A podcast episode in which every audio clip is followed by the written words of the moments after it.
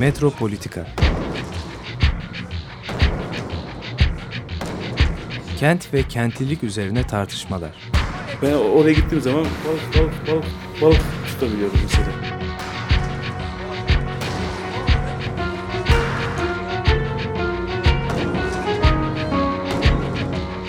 Hazırlayan ve sunanlar Aysim Türkmen ve Deniz Gündoğan İbrişim. Kolay kolay boşaltamadı. Yani elektrikçiler terk etmedi Perşembe Pazarı merkezini.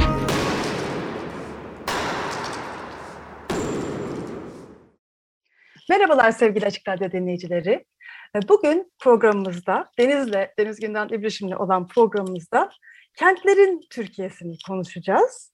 E, Bu program Türkiye'nin kentleri programı aslında. Türkiye'nin kentlerinin politikaları, kültürü, e, gündelik yaşamı üzerine olan e, bu programı bu sefer kentlerin Türkiye'si olarak e, sunacağız. E, Çünkü e, bugün e, Ayşe Köse Badur'la birlikteyiz. Köse Badur'un Kentlerin Türkiye'si İmkanlar, Sınırlar ve Çatışmalar adlı kitabı yeni yayınlandı. İletişimden çıktı.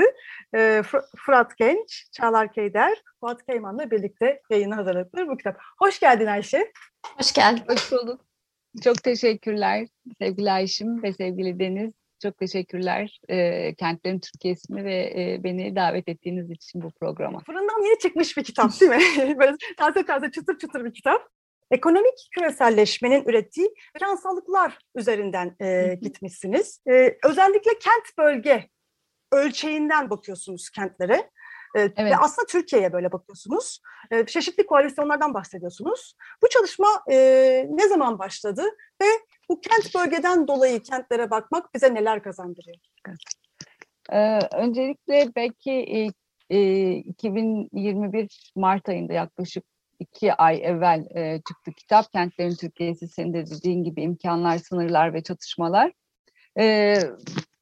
Fuat Keyman, Çağlar Keyder ve Fırat Genç'le birlikte kaleme aldık. Ama biz e, aslında bu e, ekip olarak diyeyim, artık uzun zamandır beraber çalışıyoruz çünkü. Ee, ve en sonunda bir e, kitapla da e, bu çalışmada önemli bir e, çentik atmış olduk kentleşme çalışmamıza. E, 2016 yılında başladık ve e, 12 kentinde e, incelendiği bir e, kent bölge perspektifinden yerel kalkınmada yeni dinamikler isimli e, bir e, rapor e, yayınlandı Türk Konfet'in desteğiyle. E, ve burada Türkiye'nin 12 kentine biz hepsine kent bölge demedik. Böyle bir potansiyel var mı ve çelişkileri nelerdir? Bir masaüstü çalışmasıyla şöyle bir bakalım üstten dedik. İnternetten de e, kentleşme alanında çalışanlar e, bu, bu rapora ulaşabilirler.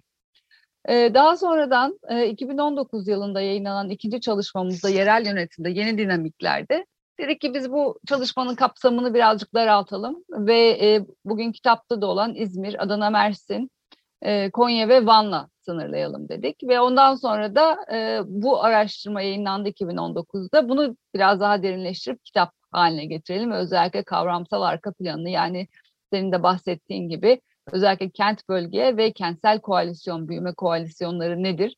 Bunun üzerinden bakalım istedik.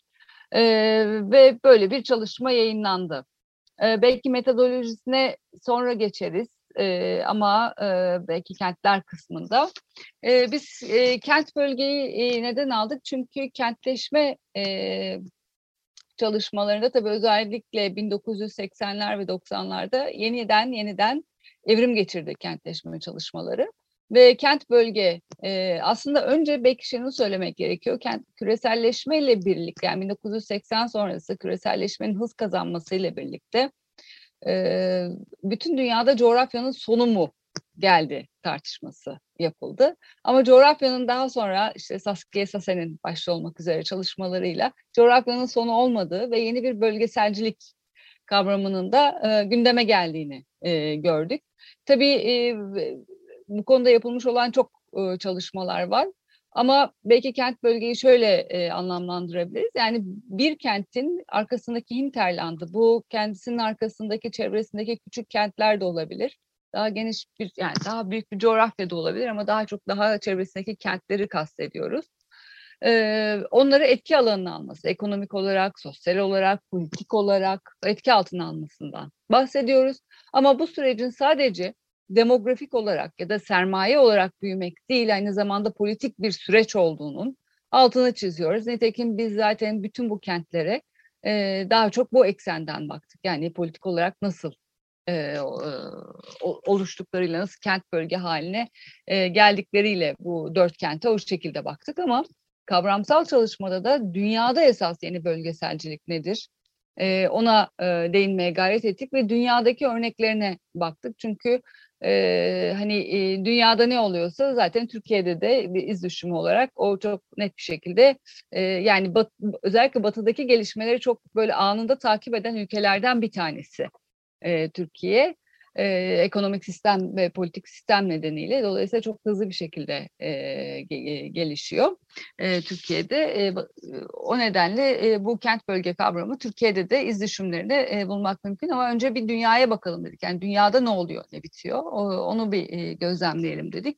Ve e, dünyadaki e, kent bölge örneklerine de değindik. Örneğin Avrupa'da var. Bazen ülkeler arasında oluyor. Malmö ile Kopenhag gibi İsveç ve e, Danimarka gibi ya da e, Rotterdam bir liman kenti Hollanda'nın ama aynı zamanda çok büyük bir kent bölge yani çevresindeki bütün her yeri sarıyor ve e, sardığı gibi dünya açısından bile çok önemli bir kent bölge.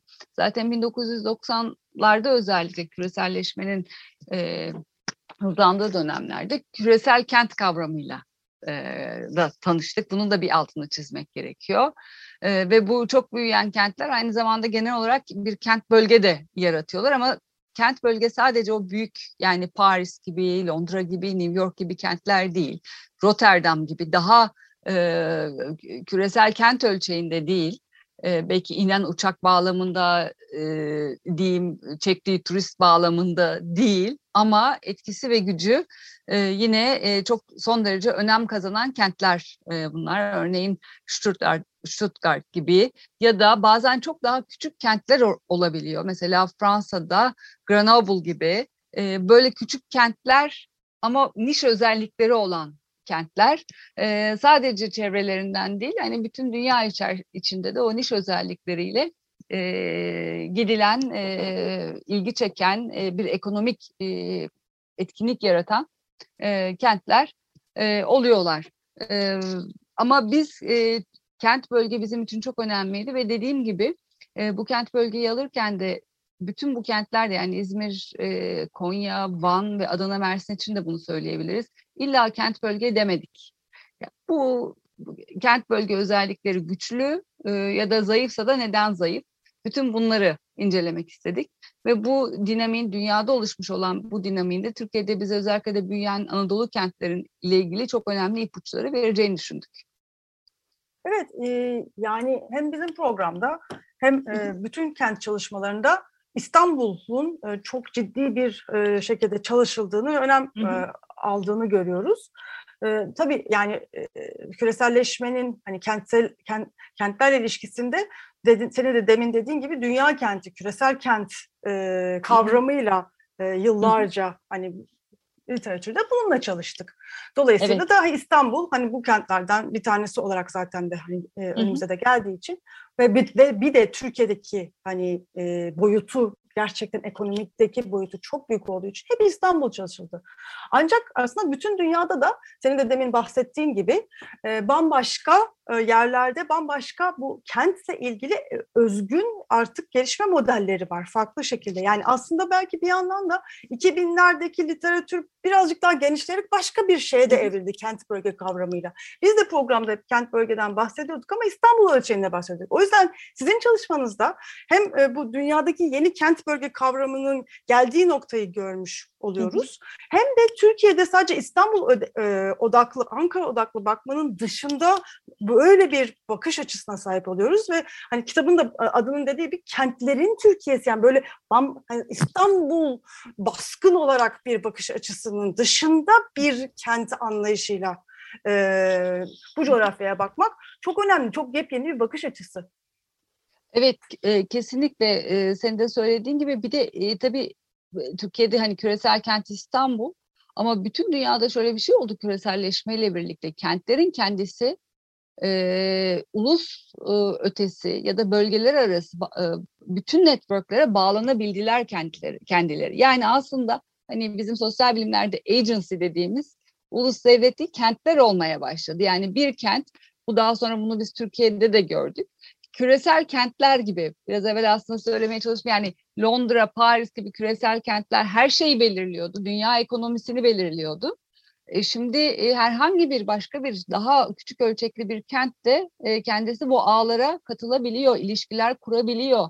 Yani bunu örneğin eskiden e, Türkiye içerisinde bile İstanbul üzerinden bu kurulurken şimdi örneğin Kayseri ya da Konya kendisi başka bir e, kentle bir bağlantı kurabildiği gibi başka bir ülkeyle de bir ithalat, ihracat bağlantısı ya da başka bir eğitim gibi sadece ekonomi odaklı bakmamamız gerekiyor. Zaten öyle de akmıyor süreç.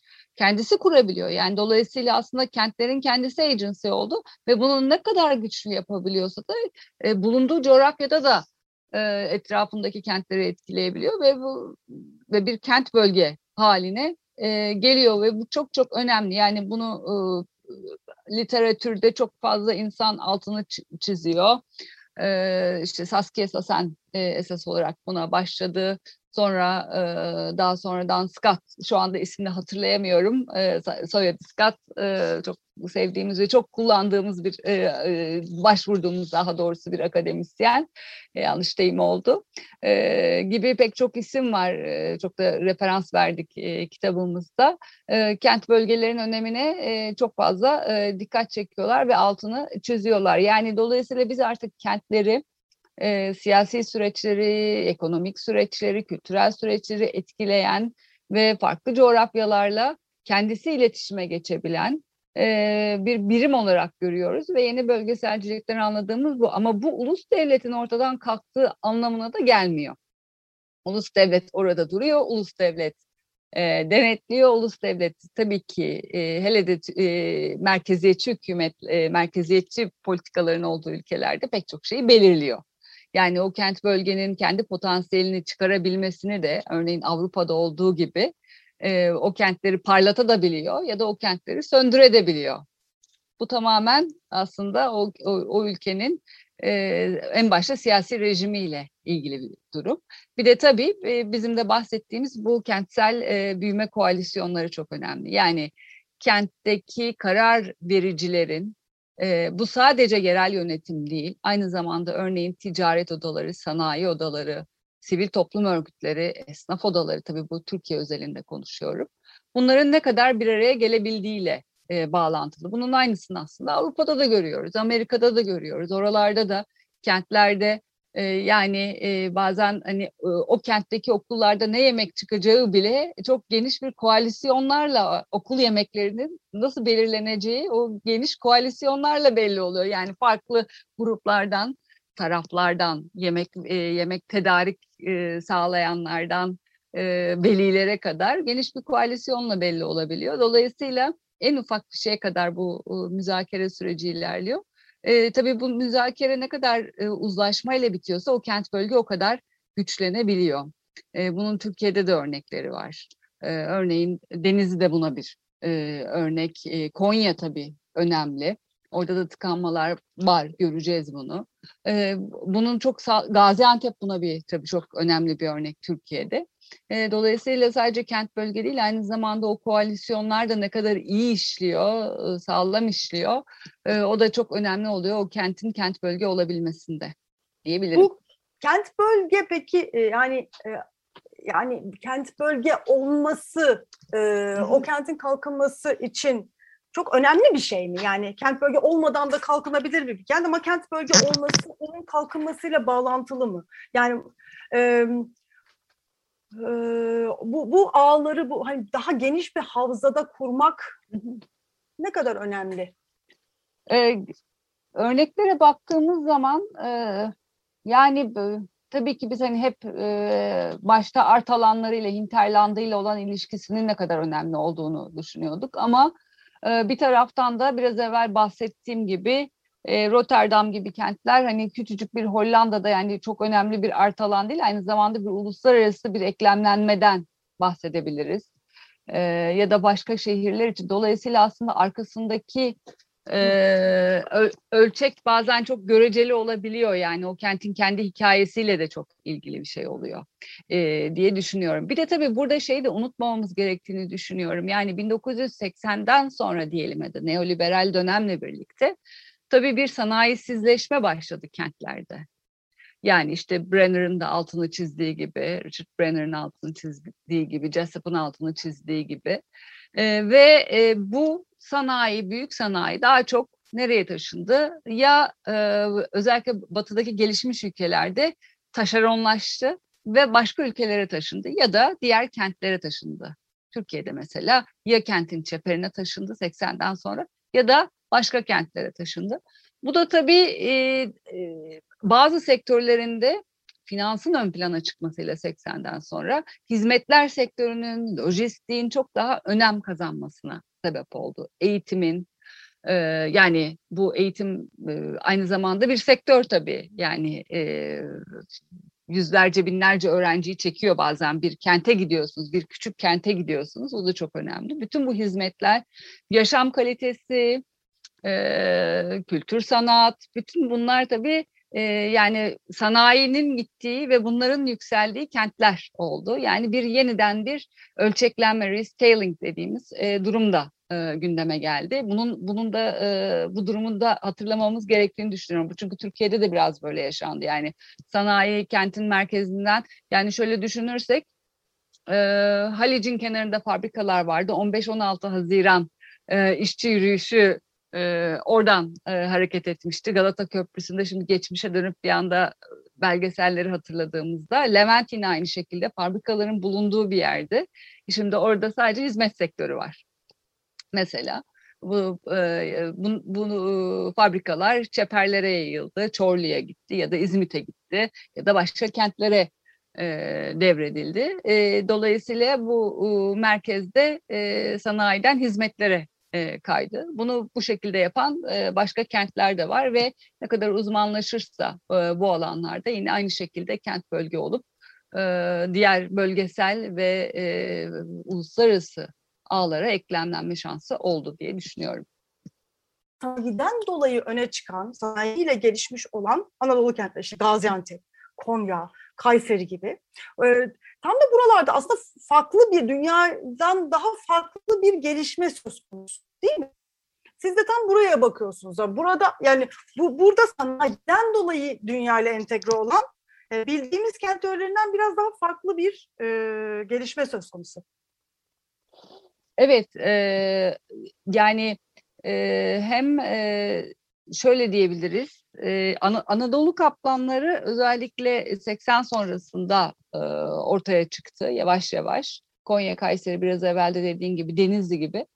Ama bir, bir zaman sonra zaten bu kentler özellikle 80 sonrasında özel dönemiyle birlikte bu Avrupa Birliği sürecine de çok e, sıcak bakan ve bunu arzulayan kentlerdi. Çünkü başka türlü e, o dönemde başka türlü uluslararası ağlara eklemlenemiyorlardı. Yani büyümek için başka bir şansları da yoktu diyebiliriz. Çünkü e, her köşe başını İstanbul tutuyordu Türkiye'de.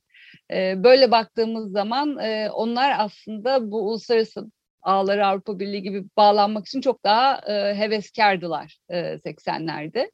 E, özellikle o dönemdeki yapılan başvurular da bunda tabii çok önemli. Ondan sonra Anadolu kaplanları tabii e, büyüdü ve 2000'lerde çok tartışılan e, bir kavram oldu Türkiye'de. Ama imalat sanayinin yani verilerine baktığımızda bunun aslında çok da büyük bir durum olmadığını görüyoruz. Bu genel olarak Türkiye'deki aslında sorun e, bir orta gelir tuzağına takılma meselesi. E, bu çok önemli. Orta gelir tuzağını aşamadı e, Türkiye. Çünkü hani daha yani örneğin Konya için Türkiye'nin Çin'i diyoruz. Belli bir üretim tarzı var, belli bir üretim kalım var ve en önemlisi de tabii korporatist bir üretim var ve ucuz emeğe dayalı. Ama bunu aşması gerekiyor Türkiye'nin. Bununla bir yere kadar gidebil, gidebiliyoruz. Ondan sonrasında daha kaliteli ürünler, daha iyi hizmet sektörüyle ancak büyümek mümkün. E, bunu aşamıyor Türkiye yani en büyük sıkıntılardan birisi. Dolayısıyla Anadolu kaplanları da belli bir yerde e, Türkiye'de tıkandı. Ha bu yolda o kentler yol aldı mı? Yol aldılar. Bu çok önemli. E, hepsinde bir gelir artışı oldu, yaşam kalitesi arttı. E, bu çok net bir şekilde e, verilere de yansıyor Türkiye'de. E, ama e, bunun bir limiti vardı. O, o, o limite geldi Türkiye. Bunu aşabilmesi için e, genel olarak hem ülke olarak hem de kentler olarak daha farklı yerlere evrilmesi gerekiyor. Bu tabii bunlar sadece ekonomik süreçler değil, aynı zamanda politik süreçler. Biz hep bunun altını çizdik. O tıkanmalar nerelerde oluyor? O kitapta da birazcık bunu tespit etmeye çalıştık. E, program ilerledikçe özellikle ikinci bölümde tek tek örnekleri de konuşacağız ve bu Anadolu kamplanlarına özellikle çalıştığınız hani Konya üzerinden olan e, çalışmanızın bölümünü e, de senden dinlemek istiyoruz. Belki e, müzik arasına girmeden önce e, dünyada aslında gitgide daha öne, öne çıkmaya baş, başlayabiliriz. Ee, hı hı. Özellikle işte inşaat sektörü açısından e, 2017'de e, inşaatların e, gayrimenkulün daha doğrusu e, fiyat artışının e, dünyadaki en yüksek ikinci kenti seçilen İzmir. İzmir'deki e, enteresan gelişmeleri e, daha önce de programda e, konuşmuştuk. Hı hı. Ancak e, mesela bir yandan böyle bir hani e, gayrimenkul sektöründe ve İzmir'de ve şu anda İstanbul'un kafasındaki İzmir'de muazzam bir gelişme var. Ama e, sizin çalışma bambaşka taraflarını da gösteriyor İzmir'in. Biraz bize İzmir'i ve kent bölge olarak İzmir'i anlatabilir misin? Tabii aslında tam da bu söylediğin yerden İzmir'de bir kere İzmir yani Türkiye'deki hani artık İstanbul'u saymıyorum çünkü hani İstanbul Ekiminopolis gibi yani Tekirdağ'dan İzmit'e kadar uzanan bir coğrafya oldu ve hani biz zaten İstanbul'a bakmadık çünkü İstanbul üzerinde hem çok çalışılıyor ve e, hani İPM'nin de özellikle Fuat Keyman'ın çalışmaları da vardı Anadolu kentlerinin üzerine dolayısıyla bu alanda bir e, birikimimiz de vardı ve e, Anadolu kentleriyle devam etmek istedik. E, nitekim aslında şimdi Birleşmiş Milletler'in sürdürülebilir kalkınma e, amaçları vesaire bağlamında yani genel olarak dünyadaki çizilen e, yönle birlikte bunun da çok önemli olduğunu bir kez daha gördük. Bu e, sürdürülebilir kalkınma amaçları da çok önemli çünkü bu süreçte. E, dolayısıyla biz İstanbul'a bakmadık aslında sonra geri sonra geri dönecek olursak.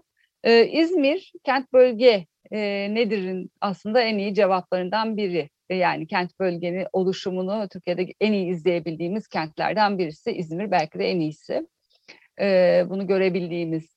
E, tabii aslında biliyorsunuz eskiden Aydın'dı. Aydın vilayetiydi e, ve e, hani İzmir onun sadece bir limanıydı. Esas üretim merkezi Aydın'dı. Bu tabii zamanla Osmanlı'dan sonra değişiyor. E, ve ondan sonra İzmir esas e, limanı ile birlikte e, çekim merkezi e, İzmir oluyor e, Aydın o şeyini kaybediyor. O, kentsel üstünlüğünü de e, kaybediyor. İzmir tabii o canlılığı, e, kozmopolitliği vesaire çok önemli. Tabii Cumhuriyet dönemiyle apayrı bir e, şekilde evriliyor. Onları da verdik aslında kitapta. Belki onu da söylemek gerekiyor. Yani bu dört kentinde ve Türkiye'nin genel olarak kentleşmesinin tarihini de bir anlattık. Yani Osmanlı'dan bugüne kadar özellikle Cumhuriyet döneminde 1950'den sonrasını ayrıntılı olarak vermeye çalıştık. Yani ithal ikameci dönemde 50-80 arasında 80 e, ve sonra ihracat e, odaklı sanayileşmeye geçince kentleşmenin de mekansal bağlamda nasıl değiştiğini, mekan sanayi ilişkisine e, ve aynı zamanda bunun siyasetle olan ilişkisini de anlatmaya çalıştık. Kentleşmeye biraz böyle bir e, kentleşme tarihine de yer verdik ve bunu daha sonra da her kent bazında yaptık. Yani İzmir'de neler yaşandı? E, Konya'da, Adana, Mersin'de ve e, Van'da. Ee, İzmir e, dok, özellikle 90'lardan sonra aslında e, hele de 2000'lerde o beklenilen e, ivmeyi kazanamıyor bir türlü. Patinaj çekiyor dedik. Mazereti olmayan da bir kent çünkü İzmir'e baktığımızda e, yaşam kalitesi anlamında çok yüksek, okuma yazma oranı çok yüksek. Ama böyle bir sorun var İzmir'de de yine de kent bölge ama bir, bir taraftan da bir sorun var. Öncelikle e, önemli bir kent bölge yani arkasındaki bir kere Manisa'yla e, tabii çok önemli bu. Bu da e, e, yeni bir gelişme aslında. Yani o İzmir-Aydın bağı şimdi İzmir-Manisa üzerinden kuruluyor ve İzmir'in sanayisi Manisa'ya doğru gitmiş durumda. Ve insanlar aslında Manisa'da çalışıp İzmir'de yaşıyorlar. Biraz öyle e, diyebiliriz yani böyle bir ilişki kurulmuş durumda. E, çok önemli. Tabii yatırım, o yol İzmir-Manisa yolu ve bu yolun oldukça kısa sürüyor olması artık e, bu akışkanlığı daha da arttırıyor. Diğer taraftan kent içerisindeki ulaşım da çok gelişmiş durumda. Yani İzmir'in ulaşım altyapısı e, hani Ali Ağa'dan e, Seferihisar'a kadar neredeyse böyle bir hani raylı sistem e, farklı e, yapılarla e, bir e, ulaşım ağı kurulmuş durumda İzmir'de. Bu da tabii kent bölge özelliğini daha da arttırıyor ve diğer kentlere de doğru ama bu bahsettiğimiz coğrafya bile az buz bir e, yer e, değil tabii. Bu açıdan Manisa ile kurulan o, o kent bölge özelliği çok çok önemli İzmir'in. Diğer taraftan da bir türlü e, beklenilen e, gelişmeyi sergileyemiyor. E, bir kere İzmir'de kentsel koalisyon nasıl diye bakarsak biz ona bir e, yakından bakmaya çalıştık. Burada bir homojenlik olmadığını gördük. Yani bir İzmir'in bir kendi klasik bir gündemi var. Hani kırsal kalkınma burada tabii özellikle de CHP'li bir belediye olmasının da uzun süredir böyle bir belediye elinde olmasının da bir şeyi var. E, artısı var kentte ama bu tabii merkezde bir çatışma da yaratıyor diğer taraftan özellikle büyük yatırımlar bağlamında. Ama İzmir'de üç farklı grup olduğunu gördük. Bir kırsal kalkınma, yı, turizm odağı olması, dış ticaret kapasitesinin geliştirilmesi, kentsel yaşam kalitesinin arttırılmasını isteyenler var. Bir daha çok Ankara'ya yakın olan ve altyapı yatırımlarına ağırlık veren bir grup var İzmir içerisinde. Bir de büyüme itirazı olan ve yeni e, e, ekolojik e, konulardan da biraz yorulmuş. Yani ya İzmir'i rahat bırakın ya İzmir İstanbul olmasın diyenler de var. Yani bunu da gerçekten kendileri söylüyorlar. Yani biz İstanbul olmasını istemiyoruz. Yani o inşaat meselesinde de İzmir'de öyle bir fren var İzmirli'de.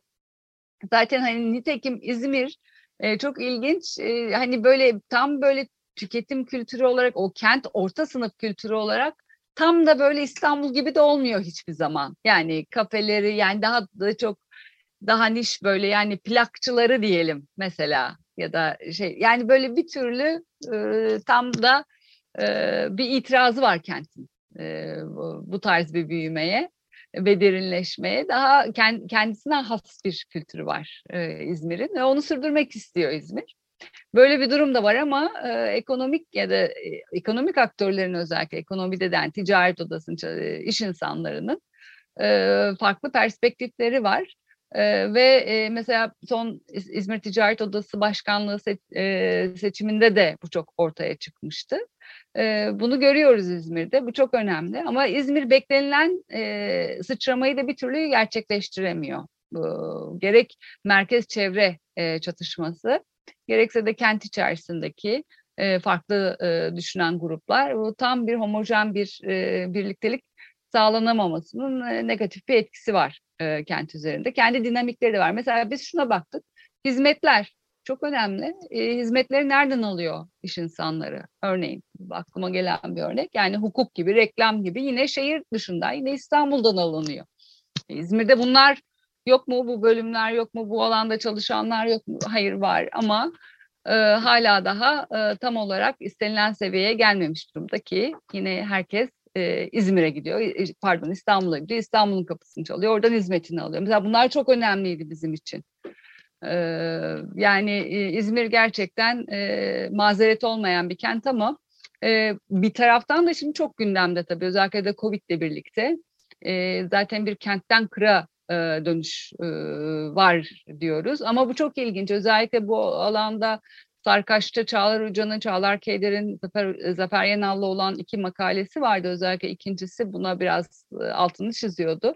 Tabii bu sadece e, geçen sene çıkmış bir makaleydi. Dolayısıyla hani trende bir bakmak gerekiyor yeniden belki. Belki bir makale daha yazarlar.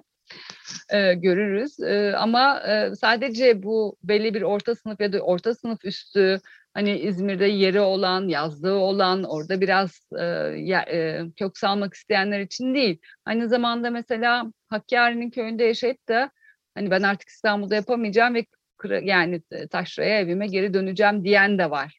Yani bu açıdan sadece sınıfsal bir durum değil bu yani hem kent yaşamı hem Covid'in e, olumsuz etkileriyle birlikte. İzmir'de bu göçü zaten başlamıştı İstanbul'dan çekmeye özellikle. E, bu da çok haber olmuştu Türkiye basınında da. E, bu trende yine e, yükseldiğini görüyoruz. Yani İzmir bir taraftan da hani e, hani belli yerlerde belki takılabiliyor ama diğer taraftan da e, Türkiye'nin herhalde en cazip kentlerinden bir tanesi. Çektiği göçle birlikte zaten e, hani e, İstanbul'da nüfusun e, uzun zamandır büyümüyor artık. Artık büyümeyen kentlerden biri oldu İstanbul. E, en sonunda diyelim. E, İzmir'de yavaş yavaş e, büyümeye başlıyor e, ve bu tabii tarım meselesi, e, hani iklim gıda krizi ile birlikte bir sürü pek çok insanın da e, bu alanlara yönelmesi. İzmir tabii bu alanda belediyesi ve belediyenin çalışmalarıyla birlikte buna bir mecra sağlıyor. Orada bir birikim var yani tecrübe var. O önemli.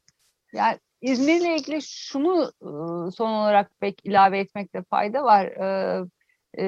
Biraz evvel söyledim birbirinden farklı gruplar var İzmir içerisinde. Hani homojen bir kentsel büyüme koalisyonu yok. Bu niceliksel büyümeye tavır koymak, buna direnmek çok önemli ve bu aslında İzmir'de İzmir'in e, e, karar alıcılarının, kentteki karar alıcılarının çoğunluğunun da hemfikirde olduğu, e, hepsinin demiyorum ama çoğunluğunun başta yerel yönetim olmak üzere hemfikir olduğu bir konu. Yani niceliksel büyümeden kastımız da en başta da inşaat sektörü. Yani işte Körfez'e köprü yapılması örneğin çok tartışılan bir konu İzmir'de. Ama onun tabii getireceği çevresel e, bir e, zarar var vesaire. Yani İzmir bu konuda çok duyarlı ve bu e, tarıma, kooperatifleşmeye olan bu e, uzun zamandır yaptığı yatırım, verdiği önemli aslında. Bir taraftan da bu neden İzmir'e göç oluyor özellikle orta sınıf ve üst sınıflardan? Eğitim seviyesi yüksek kişilerden aslında bunlar da hep birbirleriyle bağlantılı. Bu neoliberal politikalara e, tavır koymak önemli. Tabii ki bu aktörlerin bunlardan tamamen azade olduğunu da söyleyemeyiz ama e, bu önemli bir özellik. Genelde İzmir'e baktığımız zaman bu e, niceliksel büyümede e, tavır koyan tavrın e, en azından çok kentte görünür olduğunu e, fark ediyoruz ve çok önemli. Aslında İzmir'i herhalde e, daha çok konuşmaya devam edebiliriz ama isterseniz evet. bir müzik arası verelim. E, şimdi sizin seçtiğiniz Yves Montan'dan Le Grand Bouleversement gelsin o zaman. Teşekkürler. Tekrar merhaba sevgili Açık Radyo dinleyicileri. E, Metropolitika'dasınız. E, Kentlerin Türkiye'si e, imkanlar, sınırlar ve çatışmaları konuşmaya devam ediyoruz. Sevgili Ayşe Kösebadur e, konuğumuz. E, bu çalışma, bu kapsamlı çalışma Mart 2021'de iletişim yayınlarından yayınlanmıştı. Çalışmayı Ayşe Kösebadur, Fuat Keyman, Frant Geç ve Çağlar Keder kaleme almıştı. E, programın ilk kısmında e, İstanbul merkezli kent çalışmalarının nasıl dışına çıktığımızı ve odağımızı aslında e, en batısından doğusuna kadar Türkiye'nin farklı kentlerini e, çevirdiğimizden bahsetmiştik. İzmir, Adana, Mersin, Konya ve Van aslında bu kitabın e, ana konusu. E, müzik aramızdan önce de özellikle sevgili Ayşe bize kent bölge nedir, ulus devletin kentlere nasıl dönüştüğünü, küresel kentleri, daha küçük ölçekli kentleri ve kurabildikleri geniş koalisyonları anlatmıştı ve İzmir'i koşmuştuk. Buradan ben yine belki de kent bölgeden devam edecek olursak, kent bölge kavramı kavramı e, benim çalışmanızda en çok belki de ilgimi çeken yerlerden biri İzmir'in de gene dışında Anadolu kentlerindeki büyüme dalgasının birazcık belki dışında kalan Adana, Tarsus, Mersin hattının en belki de o bel kemiği omurgasını oluşturan Çukurova bölgesi oldu. Ee, çalışmanızda çok kapsamlı bahsettiniz. Mesela Çukurova bölgesinde proterleşme, büyük toprak sahipliği, e, ticari tarım, fabrikalaşma gibi deneyimler açısından Çukurova çok önemli bir yere sahip. Ve aslında gene Türkiye edebiyatı ve sinemasında da Çukurova çok ayrıcalıklı bir yere sahip. E, mesela Yeşilçam filmlerinde Çukurova'yı çok görürüz. Yaşar Kemal edebiyatında e, özellikle ekolojik etikle örülen bir mekan, bir kent bölge olarak e, Çukurova'yı görürüz ama sizin çalışmanızda da çok güzel bahsettiğiniz, çok kapsamlı bahsettiğiniz üzere sanki bu bölgede bu geniş kentsel koalisyonlar ve kentin belki de biraz kendini yenileyememesi arasında bir gerilim var gibi, bir böyle tıkanıklık var gibi. E, biraz o tıkanıklıktan, o gerilimden e, bahsedebilir misiniz? O Çukurova ve kent e, bölge arasındaki ilişkiden biraz daha bahsedebilir misiniz?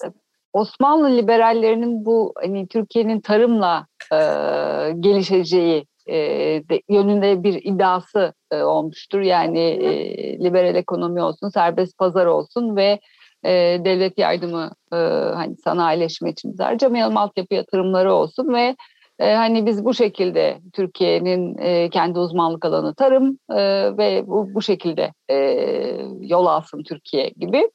E, bu tarımdan sanayiye geçiş belki de Türkiye'de bu kadar net görülebildiği en önemli bölgelerden bir tanesi Çukurova bölgesi oldu. Gerçekten e, pamuk e, ekimiyle e, birlikte 19.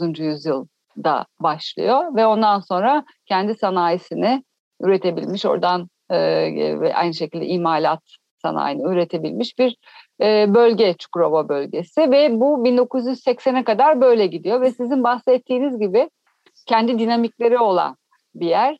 Ee, yani ben Yaşar Kemal dediniz. Mesela Orhan Kemal'i de burada çok hatırladım. O da çok insan hikayesini anlatır. Yani o proleterleşmeyi ve o, o, o tarım işçisinin farklı e, e, tarım işçiliğinin farklı şeylerine, e, figürlerine çok güzel yer verir insan hikayelerine. Dolayısıyla biz çok beslemiştir kültürel olarak bizleri de. E, 1980'e kadar buradan e, bu şekilde ilerledi. Adana, Mersin, Tarsus dediğiniz gibi o bir omurga hattı. Ve kendi e, sanayi gruplarını yarattı. E, örneğin Sabancı gibi. E, yani bu kadar büyük bir e, potansiyele sahip bir bölge.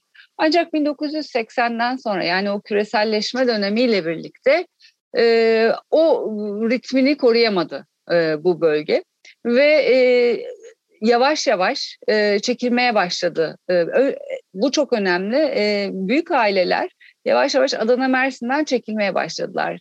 E, daha karlı yerlere, daha karlı e, iş alanlarına e, kaymaya başladılar. Ve o e, kenti belki terk etmediler ama o kadar eskisi gibi önemli bir ekonomik faaliyette de bulunmamaya başladılar. Bu da tabii hani bir, bir anlamda kentin hamiliğini de hamiliğinden de çekilmek oluyor. E, dolayısıyla e, onlar buradan çekildiler ama Adana Mersin bölgesinin sadece Çukurova değil tabii özellikle liman, İskenderun limanı nedeniyle petrol meselesi, gaz meselesi, hatlar meselesi e, çok önemli bir özelliği var ve lojistik açıdan çok önemli. E, Bunlar da hep uluslararası sektörler. Ve bu uluslararası bu sefer e, şirketler yavaş yavaş bu bölgeye gelmeye başladı. Ama o şirketlerin yerelle bir bağlantısı yok. E, yerelle değil aksine tam da böyle merkezle bağlantısı olan e, sektörler bunlar. Dolayısıyla kentin içindeki Adana Mersin içerisinde bir boşluk doğmuş oldu. E, bu da tabii e, olumsuz bir e, etkide bulundu. Ee, diğer taraftan e, bu kentlerde bir kentsel koalisyon açısından baktığımız zaman çok ilginç. Bu kentlerde e, bugün Türkiye'deki egemen siyasi partilerin hepsinin eşit derecede temsil edildiğini görüyoruz. Yani bu e, böyle bir siyasi portresi var Adana Mersin bölgesinin. Diğer taraftan tabii 90'larla birlikte Kürt sorununun özellikle 80'lerde tabii başlayan ve 90'larda daha da e, büyüyen e, Kürt sorunuyla birlikte çok ciddi bir e, göç çekti bu bölge e, Doğu ve Güneydoğu illerinden, kentlerinden ve da, şimdi de bugün de Suriyelileri yine çekiyor. Ee, ve böylesine aslında çok etnik, e, çok etnik, çok kültürel, e, farklı kültürel e, yapılara ev sahipliği yapan bir kent bölge Adana Mersin. E, diğer taraftan da ben biraz iktisat tarihiyle de ilgili olduğum için şey de görüyorum. Yani 100 sene evvel neler konuşuluyorsa Türkiye'de şimdi yine aynı şeyler konuşuluyor. Yani Mersin'le Adana arasında tren yolu yapılsın deniyor 100 sene evvel. Onun bir şeyi var, e, e, e, mücadelesi var. E bugün de Adana Mersin arasında hala daha bir tane e, havalimanı yok yapılmıyor ve Türkiye'de en çok uçak kaçıran kent Mersin. Çünkü hele de cuma günleri trafiğin yoğun olduğu zaman da Adana'ya gidip de uçağı yakalamak çok zor trafikten dolayı. Yani böyle yani Mersin bir liman kenti. Ee, çok önemli ama yani e, havalimanı Adana'da. Ee, çok e, yani merkezle yerel arasındaki çatışmanın bütün kentlerde çok önemli olduğunu görüyoruz. Ee, ve biraz evvel de söylediğim gibi yani Adana Mersin bölgesinde e, siyasi oluşum olarak e, e, bütün partiler eşit derecede e, temsil ediliyor. Bir denge var, bir konsensus var. Bu açıdan çok önemli ama bu e, aynı e, siyasi partide değil bu konsensus. E, bunun da yine getirdiği e, bir e, çatışma var. E, Çukurova hala daha önemli bir tabii tarım e, merkezi Türkiye açısından ama e, sizin de bahsettiğiniz gibi önemli bir daralma, önemli bir tıkanmayı da yine e, bu bölgede görüyoruz. Yani biz mesela Mersin'e gittiğimiz zaman gerçekten üzücü bir şey. Yani kente doğru gidiyorsunuz, denizi görüyorsunuz. E, pek çok inşaat var sağlı sollu ama yarın kalmış, boş e, ve bu bu inşaat meselesi gerçekten e, büyük bir e, sorun. Ama diğer taraftan da e, hala daha tarım merkezi olduğu için, tarımla iç içe olduğu için e, kooperatifleşmelerin ve bu tarz alternatif e, ekolojik e, faaliyetlerinde güçlü olabildiği, kendine bir yer bulabildiği e, merkezler olarak da görüyoruz Adana Mersin'i. Bu da gerçekten çok önemli. Orada faaliyette bulunan e, gerek akademisyenler gerekse de şimdi sivil toplumcular e, açısından e, Adana Mersin e, önemli e, diye e, düşünüyoruz. Yatı, e, bu yatırımların bir an evvel yapılması gerekiyor. Bazı yatırımların yani bu niceliksel büyüme yatırımı değil yani havalimanı gibi e, büyük yatırımların yapılması gerekiyor. Ki kent bölge gelişebilsin yoksa kent bölgenin e, gelişmesi de e, çok zor belli bir yerden sonra e, tıkanıyor. Aslında büyük bir potansiyel var. Sizin de söylediğiniz gibi çok büyük potansiyel var ama sanırım e, o yerellere yönelik biraz merkeziyetçi ve otoriter, otoriter politikalarla bunun önü e, tıkanıyor. Ee, Çok, e, bir de e, pardon e, yani sözünüzü kesmek istemem şeyi de unutmayalım yani Adana Mersin bölgesinde özellikle 80'den sonraki bu değişimle birlikte yani göçle birlikte genç nüfusun artması ve işsizlik sorunu var. Yani bu hala daha bölgede çok önemli göç ve işsizlik. Ee, şimdi Suriyelilerle birlikte daha da önemli ki hani ekonomik durumu iyi olan Suriyelilerin göç ettiğini de biliyoruz e, bölgeye. Hani bu da yine belli bir belki ekonomik e, ekonomik, ekonomik açıdan büyük bir kente maliyeti olmayabiliyor e, böyle bir durumda. E, ama günün sonunda e, zaten hali hazırda e, göçün e, ve işsizliğin e, yüksek olduğu e, bir bölge. E, bunun sıkıntıları da hala daha var. Belki bir şey ekleyebilirim. Aslında benim sorm yani bizim sormak istediğimiz sorulardan birini siz şu an cevapladınız.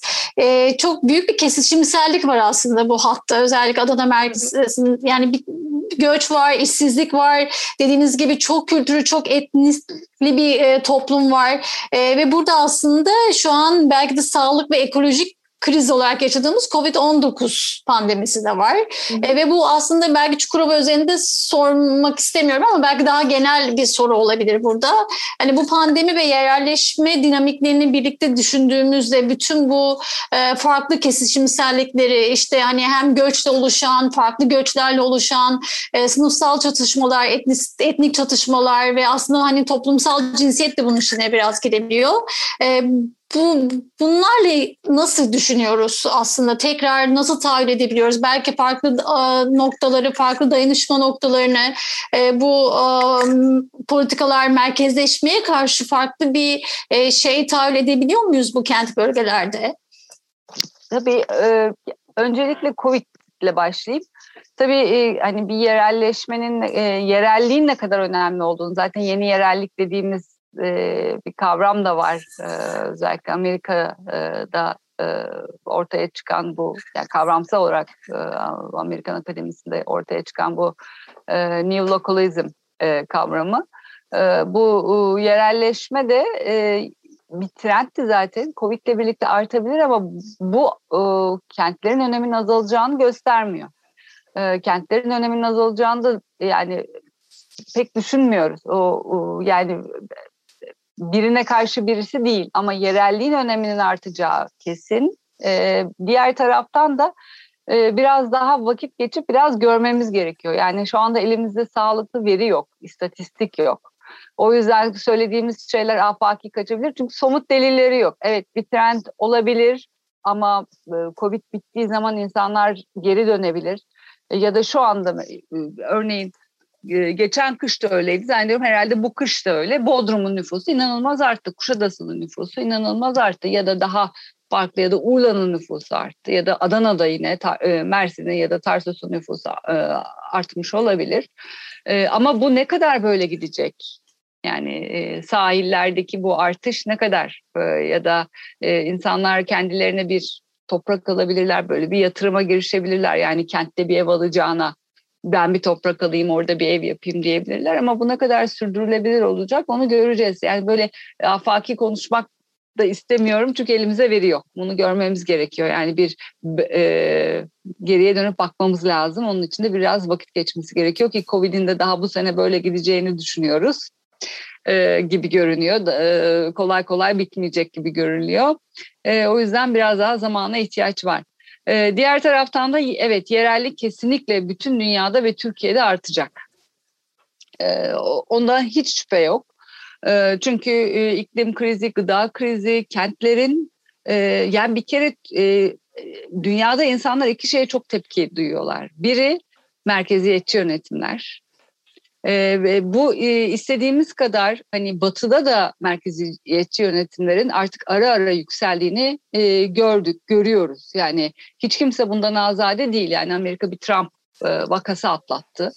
E, e, siz tabii bunu çok daha e, şey söyleyip daha e, iyi biliyorsunuz ama e, böyle bir vaka atlattı. Yani hiç kimse azade değil bundan. İşte e, Fransa'da aşırı sağın yükseldiğini görüyoruz ya da diğer ülkelerde. E, bir taraftan İngiltere'de maden e, madenci kentleri bile e, işçi partisinde artık kaybediyor yani oraları. Hani böylesi bir e, değişim ve dönüşüm var. Yani dünyada bir bir krize doğru gidiyoruz. Yani Covid de buna tuz biber ekti ama bu zaten hani bildiğimiz bir konuydu. Böyle bir durum var. İklim krizi ve gıda kriziyle birlikte bu neoliberal politikalara da inanılmaz bir e, tepki olmaya başladı. Yani bu daha da insanlar bunu fark etmeye başladı. Yani bu niceliksel büyüme dediğimiz e, istihdam artsın, ekonomi büyüsün, fabrikalar artsın, e, biz e, evler inşa edelim. E, bu sistemin ne kadar bizleri dünyayı tükettiğini ve sürdürülebilir olamadı, olmadığını görüyoruz. Zaten işte Birleşmiş Milletler'in sürdürülebilir kalkınma amaçlarına baktığımızda da bunların hiçbirini görmüyoruz. Eşitlik görüyoruz, yaşam kalitesi görüyoruz, toplumsal cinsiyet eşitliği görüyoruz. Ee, insanlar büyük kentlerde bir taraftan da bunların e, bu çatışmaların çok merkezinde yaşıyorlar. E, ve e, kimileri de e, buradan biraz uzaklaşmak istiyor. Covid buna bir bahane oldu aslında diyebiliriz. E, ama ne kadar bu e, devam edecek ve bu, bu nasıl bir trend onu dediğim gibi yani biraz geriye dönüp bakmak lazım. Onun da üzerinden zaman geçmesi gerekiyor ki elimize data olsun. Aslında belki burada şunu da belki söylememiz gerekir. Hani sizin de söylediğiniz gibi bu artan e, ve hani e, çok karşı olan olunan merkeziyetçilik ve otoriter otoriter koşullarında sağlık, ekonomik gibi e, sorunlar kristalize oluyor ve aslında evet. yeni yeni yerelcilik çok büyük belki imkanlar ve potansiyeller taşıyor ve ben hani burada şeyin de çok önemli olduğunu düşünüyorum. E, bu yeni yerelcilik dediğimizin e, çok disiplinler arası bir yordam aslında e, belki önerdiği de söylenebilir mi? Yani bize metodolojik ve yordam açısından bu yeni yerelcilik ne tür imkanlar sağlayabilir? E, en başta belki e, şunu düşünüyorum e, da biz siyaset bilimi de kökenli olduğum için de aklıma o geliyor da önce siyasi krizlerimizi aşmamıza yardım edecek. Nedir bu? Katılımcılık ve kapsayıcılık. Yani insanlar kentteki en büyük sorunlardan biri o. Yani yönetime katılamamak bir kere çok büyük, ölçek çok büyük. Bunun yarattığı sıkıntılar var. Çatışmalar çok büyük. Ölçek büyük olunca ekonomi çok büyük, nüfus çok büyük. Ama yeni yerellikte bir kere bu sıkıntıların aşılabileceği yani daha küçük bir ölçekte bunları belki bu bir minyatür olabilir söylediğiniz gibi bir ilk basamak olabilir. Belki büyükten küçüğe gitmeyecek, küçükten büyüğe doğru yeni bir yönetimden bahsedebileceğiz. Bunu ancak bu yeni yerellikle belki sağlayabileceğiz. E, diğer taraftan da bu yeni yerellik aynı zamanda sürdürülebilir ekonomiyi e, yani e, tüketmeden nasıl hem doğayı hem kendimizi hayatımızı, zamanımızı. E, bunun yeni yeni yollarını hem de tabii iklimi, e, iklim değişikliğine karşı direnç göstererek, daha az tüketerek, bu yeni yerellik bize bunların kapısını aralayacak. E, gıda krizi için aynı şekilde. Ata tohumları vesaire bütün bunlar çok daha niş görünüyor şimdi. Daha küçük küçük ama aslında bunlar büyümeye başladılar Türkiye'de. Bence Covid yine buna da bir aracı oldu. E, dolayısıyla e, belki yeni yerellik esas e, dediğiniz gibi e, yeni bir yaşam orada e, mümkün olabilecek ve daha da önemlisi büyük kentlere de belki yol gösterebilecek. Başka bir yaşam mümkünle. Çok güzel bir özet oldu. Çok güzel evet. bir son oldu. Teşekkür ederim. Yani yeni kapı yeni yerellik olacak. Yani gerçekten başka bir hayat mümkün e, gibi e, duruyor. Yani ve bunu insanlar yapmak istiyor ve bu aşırı merkeziyetçi ve neoliberal politikalarda e, çok e, yorucu bir hale geldi insanlar için. Bunda altını çizmemiz gerekiyor. Sevgili Ayşe Kesevadur, çok teşekkür ediyoruz. Çok teşekkürler. Ben teşekkür ederim e, bu çalışmaya, Kentlerin Türkiye'sine yer verdiğiniz için. E, çok keyifli bir sohbetti. Konya ile Van kaldı. Bunlar kaldı daha. Bir başka programda e, daha da genişletilmiş olarak, kitaptan da genişletilmiş olarak bunları tartışırız. Çok teşekkür. Severiz. Ay- Ayrıca bütün ekip için adına da teşekkür ederim bizi davet ettiğiniz için. E, Metropolitika'nın sadık dinleyicilerinden biriyim. E, o yüzden sizlerle olmak çok güzeldi. Sağ olun. Bu haftalık da bu kadar diyor- diyoruz. İyi haftalar. İyi haftalar.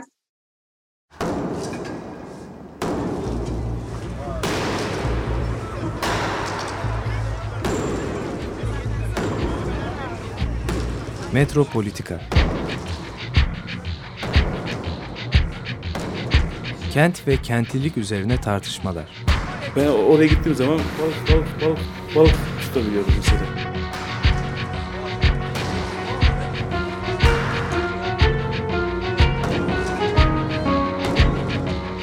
Hazırlayan ve sunanlar Aysim Türkmen ve Deniz Gündoğan İbrişim.